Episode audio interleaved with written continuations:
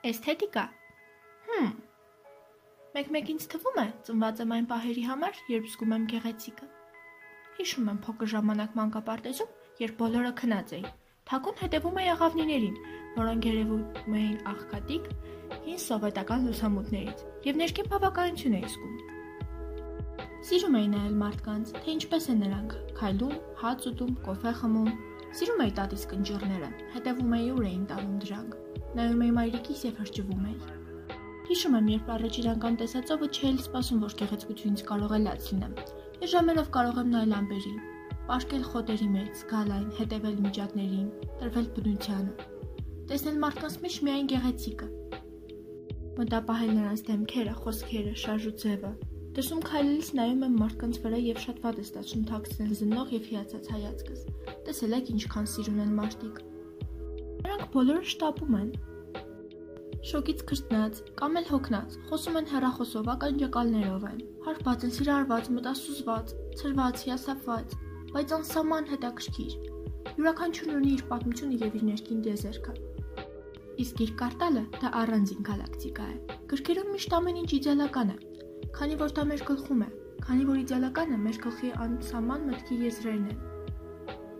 Մտքի անվերջ շարանը ներսից խեղդում է ինձ, երբ ծանոթանում եմ նոր մարդու հետ Սկսում եմ գլխումս իր կյանքը պատկերացնել, թե ով է նրա սիրելին, ինչ տեսք ունենա նրա տունը, ով է սիրելի երկիճը, արդյոք լացում է գիշերները, եթե հա, ուրեմն ինչու, եւ այլն։ Ժամը 5-ն է, նոր է արևը ծագել։ Արթնանում եմ արևի շողերից, որոնք ագահորեն խժռում են սենյակիս պատերը տեղնով։ Արագ վեր եմ գնում։ Առավոտյան էսթետիկան չեմ ուզում բաց թողնել։ Ես հասկացա, որ մեծացել եմ, երբ առավոտվա կոֆեն դարձավ ֆետիշ։ Կոֆեի մասին զառանցելով աչքերը սևացած հեմոգլոբինի պակասից մի կերպ հասնում եմ խոհանոց։ Կոֆե։ Մեր հինտան հատակը ճռճռում է միայն առավոտ 5-ին, խուլ լռության մեջ։ Եթե լիներ մրցույթ, որտեղ որոշվելու էր, թե ում աչքերի փոսերն են ավելի խորը, միայն ես կհամաձայնվել մասնակցել։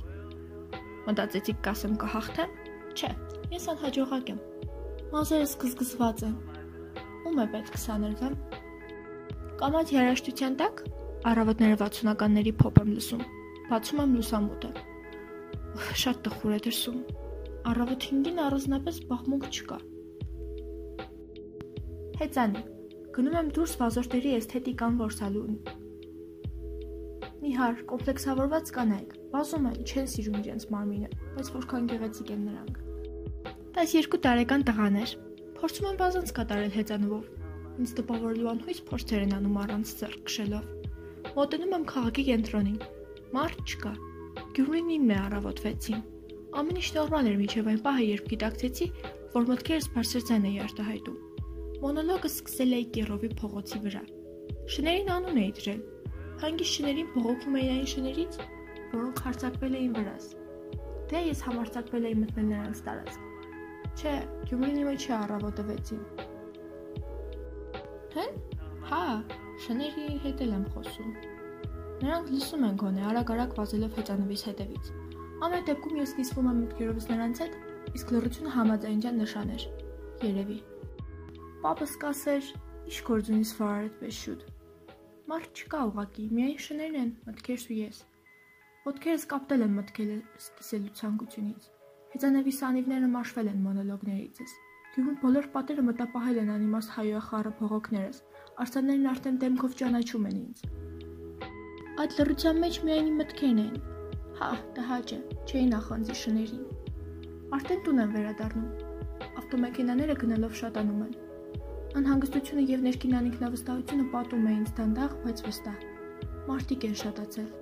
Ինձ վախեցնում է միտքը, որ ամեն առավոտ հեծանիվ քշելուց մեքենայի շատ տեղերում ես կարող եմ ձեռքի մի պտույտով անհետանալ բայց ես թեթևացած եմ, թող շները մտածեն։